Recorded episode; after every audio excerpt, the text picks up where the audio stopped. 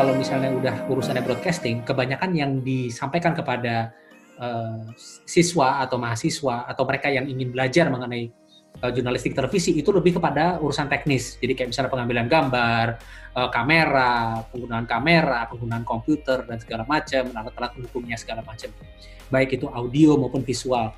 Tapi tidak ada yang membahas secara spesifik. Kita mulai dari mana sih ujung pangkalnya ketika membuat berita itu seperti apa? Kurang lebih seperti itukah yang akan kita dapatkan dari uh, sharing-sharing ini? Gimana Pak Carlos? Kalau jadi uh, menurut aku dalam dalam pemikiran aku adalah seperti ini. Eh, belakangan semua eh, liputan berita televisi sepertinya bergeser dari memberitakan event. Eh, artinya begini, it's not eh, itu bukan eventnya yang diberitakan oleh teman-teman yang diliput teman-teman, tapi statement of event. Dan di situ aku sedih karena uh, teman-teman yang ada di lapangan sekarang sudah cukup puas dengan uh, memberitakan statement of event, not the event itself.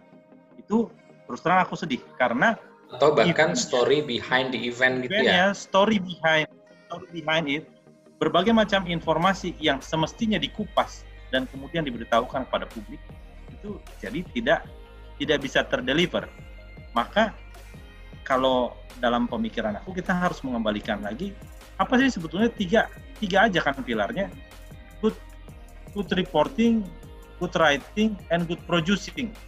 Ketiga itu aja sebetulnya uh, pilar dari broadcast journalism yang harus yang harus diingat oleh teman-teman bahwa untuk membuat sebuah uh, berita, sebuah message supaya bisa terdeliver dengan baik, apa pesannya yang mau disampaikan kepada uh, pemirsa, ya tiga itu aja yang yang harus diingat. Uh, agar uh, teman-teman Boleh diulang lagi ya, Pak Carlos, apa tiga itu lagi biar kita ingat semua? Oh, tiga itu aku ulang lagi. itu hanya itu pilarnya hanya tiga yang yang harus betul-betul dijaga oleh teman-teman baik itu di apa yang uh, news gathering yang meliput ataupun yang di dalam uh, newsroom. Itu good reporting, good writing, and good producing.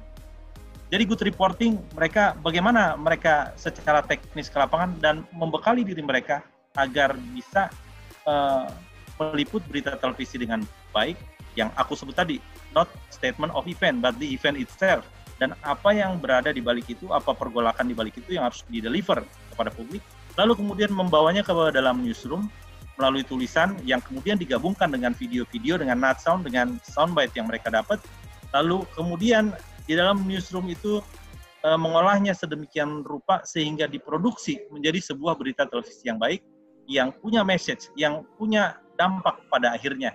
Dan itulah e, itulah cita-cita dari broadcast journalism. How to apa bagaimana untuk mempengaruhi e, komunitas, bagaimana untuk menciptakan sesuatu yang lebih baik daripada kondisi sebelumnya. Kira-kira uh, uh, filosofinya seperti seperti itu sih, uh, Mas Bayu. Silahkan kalau ada ditambahkan oleh ya, uh, monggo atau Acir. Kier? Bukan mau nambahin, cuma mau ini tadi uh, gue berperan jadi kayak co-host ya. Cuma mau nanya tadi yang belum kebahas sama Vira adalah gimana kegelisahan dari kacamata koresponden-koresponden asing. Kan uh, orang Vira Abdurrahman ini identik dan sekarang uh, bekerja bersama sering kali dengan media-media asing ya pasti sedikit banyak mengalami uh, mendapatkan cerita-cerita tentang hal yang sama. Boleh dong Kak Fira sedikit sharing bagian itu. Apa sih kata orang Sky News atau orang New York Times tentang Twilight Zone tadi begitu versi mereka gitu. Kegelisahan apa yang sama dan tidak sama yang mereka munculkan. Yang jadi ibroh. ibroh adalah sebuah pelajaran untuk kita semua. Iya, uh, uh, sebenarnya uh, ya gue juga secara pribadi nggak banyak diskusi soal ini ya. Cuman secara uh, pengamatan apa secara pengamatan aja dan secara itu bukan hanya terjadi di Indonesia. Bagaimana gemburan-gemburan sosial media itu uh, menjadi ancaman dan hal baru yang membuat mereka gagap. Itu seperti uh, sekelas New York Times aja mereka sendiri juga sudah gelisah atau sekelas Sky News dan gua rasa juga nama-nama besar lainnya seperti CNN, Washington Post atau segala macamnya juga mengalami hal yang sama. Jadi memang ini sudah masalah global. Cuman bagaimana penyelesaiannya itu e, memang harus ada sentuhan lokalnya. Nggak bisa nggak nggak nggak bisa satu dunia sepakat melakukan apa gitu ya memang agak sulit. Karena kebutuhan masing-masing tempat atau masing-masing negara juga e, berbeda. Dan selera pasar juga nggak bisa kita sama rata berani oh memang masalah dunia. Jadi nggak cuma masalah Indonesia seperti itu. Itu sih sebenarnya. Dan gue tidak menangkap bagaimana mereka cara penyelesaiannya. Ya harus berdamai. Mau nggak mau kita harus berdamai. Kalau kita nggak berdamai pilihannya antara uh, lo tergerus dengan memegang ideologi yang udah pernah kita uh, jayakan dan kita lulukan atau kita harus berubah dan menyesuaikan diri dengan gaya-gaya yang baru. Kurang lebih seperti itu. Cuman memang uh, sosial media di Asia dan sosial media di Amerika atau di Eropa itu kan gayanya beda-beda ya kurang lebih seperti itu contohnya adalah yang bisa gue share ya yang bisa gue bertanggung jawabkan adalah Jepang Jepang itu kan NHK-nya ada dua NHK World dan NHK Jepang NHK nasional. Nah, selera berita NHK nasional dan NHK World itu aja udah beda. Bagaimana NHK Jepang itu wartawan-wartawan dan produser yang kakak Carlos bilang tadi, bagaimana, bagaimana mereport dan memprodusnya dengan baik dan benar. Para penontonnya atau para pembaca koran itu hanya uh, para manula. Tidak ada anak muda lagi yang nonton berita dan baca berita di Jepang. Jadi pemberitaannya itu disesuaikan dengan selera manula. Apa sih yang bikin mereka tertarik? Apa sih yang membuat mereka tetap menonton kita di TV gitu ya? Dan itu mereka lakukan. Jadi kalau kerja sama NHK World sama NHK Jepang misalnya, kita harus paham bahwa topiknya ya walaupun dengan topik yang sama misalnya gitu ya. Cuman gaya itu tetap harus beda gitu. Waktu itu gue uh, liputannya Gojek gitu ya.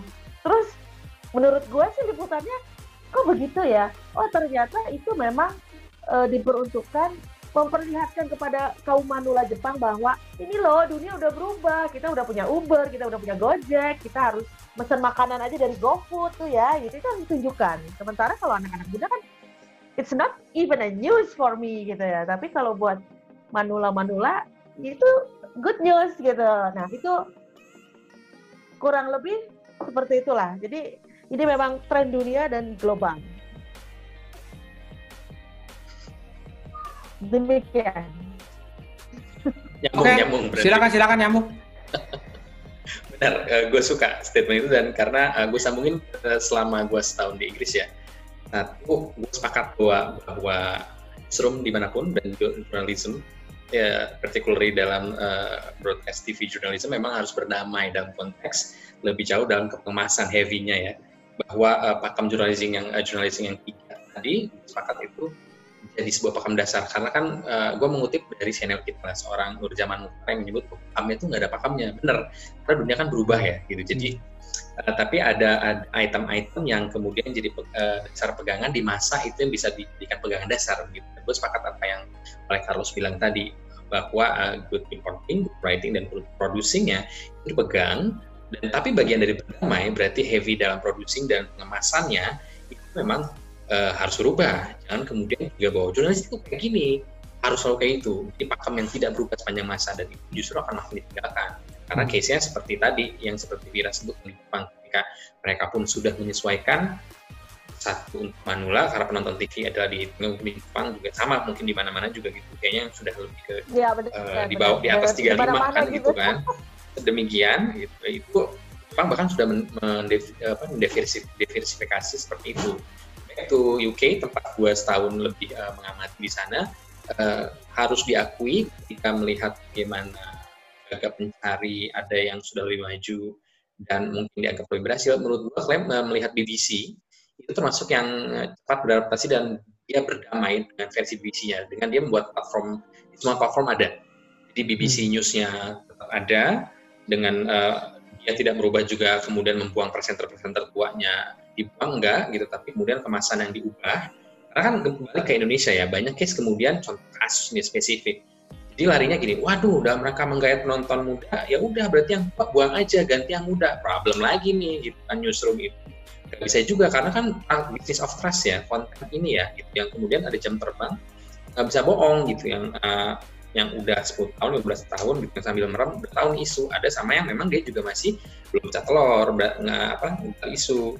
Nah di Indonesia itu problemnya eh, kepanikan yang di antaranya kemudian menurut gue twistingnya salah gitu dengan dengan membuang menyingkir yang tua memakai yang muda gitu dan itu tidak 100% benar gitu. Karena back to, to perbandingan di UK kemudian di BBC mereka tidak melakukan perubahan di titik itu, tapi kemudian mendatangi semua platform-platform yang ada. Gitu. Jadi dia tidak hanya ngotot tetap ada di TV, tapi semua platform datangi. Karena pada dasarnya, uh, contohnya ya, di Instagram saja, BBC itu bahkan sampai mempunyai BBC One, BBC Two, BBC Three, gitu ya, BBC Four. Jadi hmm. BBC Four itu untuk audio. Jadi radionya masih hidup, BBC Sound sebutannya. Dan bahkan makin hidup karena uh, sepakat dengan bahasa term gue ya, sekarang adalah eranya informasi tapi kita harus tahu bahwa ya, pendulum pola informasi itu ya berputar menurut di gue ya itu antara empat saja gitu antara teks written text tertulis audio kemudian image atau moving image grafis atau uh, gif yang digerakkan atau video terakhir yang gitu. Ini akan berputar empat saja gitu kan eranya tuh. Ketika di awal sempat terheboh turun kemudian karena misalkan di koran kuning pemilu sekarang tenar lagi. Ini kan berarti pendulumnya bergeser-geser ya. Dulu orang TV PD begitu kan. Wah banyak penontonnya ternyata jenuh juga begitu. Lalu muncul media masa uh, sosial media mana kemudian eranya sebutannya adalah participatory culture ya. Orang bisa berpartisipasi everyone can be the producer gitu kan. Uh, itu kemudian bergeser TV seperti ditinggalkan nih kemudian gitu. Apalagi kemudian uh, pembiayaannya mahal menggunakan satelit. Bandingkan hmm. dengan live streaming hanya menggunakan wifi udah bisa live sampai guling-guling gitu. Ada Instagram live ada apa gitu Nah, back to BBC, mereka instead of panik, mereka memapping ulang dan formulakan itu tadi. Bahkan itu tadi orang yang tidak berpikir bahwa radio adalah sudah end of era sejak kala yang kembali menguat dengan uh, dengan kemasan baru podcast. Kemudian mereka bersiaran dengan meja yang cozy, mic yang keren dan masuk ke dalam YouTube tertayang. Jadi konsep oh. BBC contoh ya bagaimana kemudian jadi jangan pernah hilang kepercayaan, don't ever lose the faith, the news ya. Dan uh, ini masalah bagaimana mengemas itu BBC 4 Sound. BBC 3 itu isinya apa coba? Mereka bahkan mengolah meme, memes. Meme itu adalah sebuah yang penting. Begitu. Mereka menganggap meme adalah sebuah informasi uh, digital culture yang tidak bisa diabaikan dan mereka olah. Jadi ada gitu. belum ada sampai ke arah sana newsroom tidak mengolah itu ya BBC News tetap berjalan BBC Earth itu anda harus melihat bagaimana BBC itu sudah menjadi tontonan leverage uh, dokumenter ya, yang gayanya sudah seperti nonton film Hollywood, tapi pemerannya adalah uh, paus orca, pemerannya adalah monyet di mana, begitu yang gaya natural, tapi gambarnya keren banget begitu kan. Itu jadi nggak pernah ada bahasa hilang fade, justru berdamai dengan versi lebih keren dan step up, dan di mana era tsunami informasi ini orang tetap pada akhirnya informasi yang bisa dipercaya karena itu datang ke newsroom pada akhirnya. Dan sebetulnya banyak, tidak banyak, ada sedikit survei menyebut bahwa ketika era hoax bermunculan, hoax identik dengan forward-forward berita online, X begitu ya, di forward di WhatsApp group, instant messenger begitu. Mereka salah satu cara memverifikasi dari versi netizen adalah kembali menonton yang bisa dipastikan berita di televisi yang datang dari broadcast newsroom, uh, yang datang dari TV journalism begitu, gitu dan informasi yang punya image bisa dipercaya dan salah satu verifikator lebih googling gitu ya terhadap informasi sumber resmi dari pemerintahan langsung misalnya pemilu contohnya. Ya ke TV larinya gitu karena udah pusing dengan informasi-informasi beredar sifatnya hoax. Jadi never lose the never lose the faith ya of uh, broadcast journalism ya sebetulnya gitu. Ini suara yang lebih enak disampaikan kepada para pemegang uh, uang pemilik modal begitu. Jangan asal-asalan deh kemudian naruh cuma newsroom ya cuma syarat ada aja sebuah kesalahan besar kalau kata saya sih. Begitu. Oke, okay. uh, eh, tadi kan lo menyampaikan bahwa banyak platform, ada banyak di sosial media, ada uh, media sosial dan ada Instagram dan beberapa berbagai platform lainnya, ada yang dalam bentuk audio doang. Tapi ujung-ujungnya mereka kembali lagi kepada uh, eh, TV broadcast gitu kan, broadcast news. Nah, uh, untuk broadcast news sendiri sebenarnya kan dari sisi konten mereka itu kan sudah ada semacam Eh, tipe-tipe konten yang ada di situ kayak misalnya paket, VO dan SOT, soundbite dan segala macam. Nah, uh, saya hanya ingin uh, kembali apa ya berusaha uh, menyampaikan kepada yang menonton ini atau yang mendengarkan ini memberikan gambaran sedikit apa yang akan mereka dapatkan ketika mereka mengikuti video-video uh, yang akan tayang di channel YouTube atau di podcast ini. Uh, intinya adalah apa yang kita bicarakan bu, uh, lebih fokus kepada apa uh, paket bentuk-bentuk berita yang muncul di televisi dan uh, itu tentunya sesuai dengan uh, uh, apa ya bisa dibilang uh, sesuai dengan gaya main uh, uh, pemberitaan televisi yang ada sekarang di semua TV yang ada di Indonesia. Nah mungkin uh, Bapak Carlos mungkin mau menyampaikan pendapatnya soal ini. Oh ya, baik, makasih. Jadi uh, sebagai apa namanya sebagai sebagai pencerahan dengan apa materi-materi yang akan kita berikan, memang uh, kita akan menjelaskan uh, tipe-tipe tipe-tipe uh, tipe uh, cara kita mendeliver berita televisi kepada pemirsa. Mulai mulai dari uh, misalnya hanya reader, lalu reader hmm. SOT, lalu ada VO voice over di mana uh, ada gambar kemudian di kemudian dijelaskan atau dinarasikan oleh uh, presenternya, lalu uh, gambarnya di play oleh master control, atau kemudian bisa juga kita uh, paket berita. Paket berita itu bisa isinya uh, kemudian uh, bisa isinya uh, sebuah sebuah video yang dirangkai dengan uh, ada not sound, ada soundbite dari narasumber dan mungkin juga ada grafis dan mungkin ada juga VO grafis dan sebagainya dan sebagainya hingga kemudian ada uh, live report. Live report bisa hmm. uh, dari lapangan atau live, live report bisa uh, bisa sama-sama di studio tapi uh, dialog dan bisa juga mungkin uh, menggunakan grafis-grafis uh, seperti apa namanya? seperti dokter TV jadinya menjelaskan pakai touchscreen, uh, touchscreen uh, layar touchscreen ataupun uh, pakai imersif dan sebagainya dan sebagainya. Jadi artinya kita akan uh, kita akan memberikan uh, seluas itu uh, selengkap-lengkapnya uh, bagaimana uh, mendeliver memberitakan berita televisi. Sampai sejauh Dan, dialog gitu kan? Uh, ya, itu yang aku lupa sampaikan. Sampai kemudian bagaimana cara kita berdialog dengan narasumber yang uh, yang menarik. Uh, tidak hanya tidak hanya pintar bicara, tapi pintar untuk mengupas, pintar untuk mengorek informasi dari narasumber sehingga dialog itu menjadi sebuah dialog yang bernas.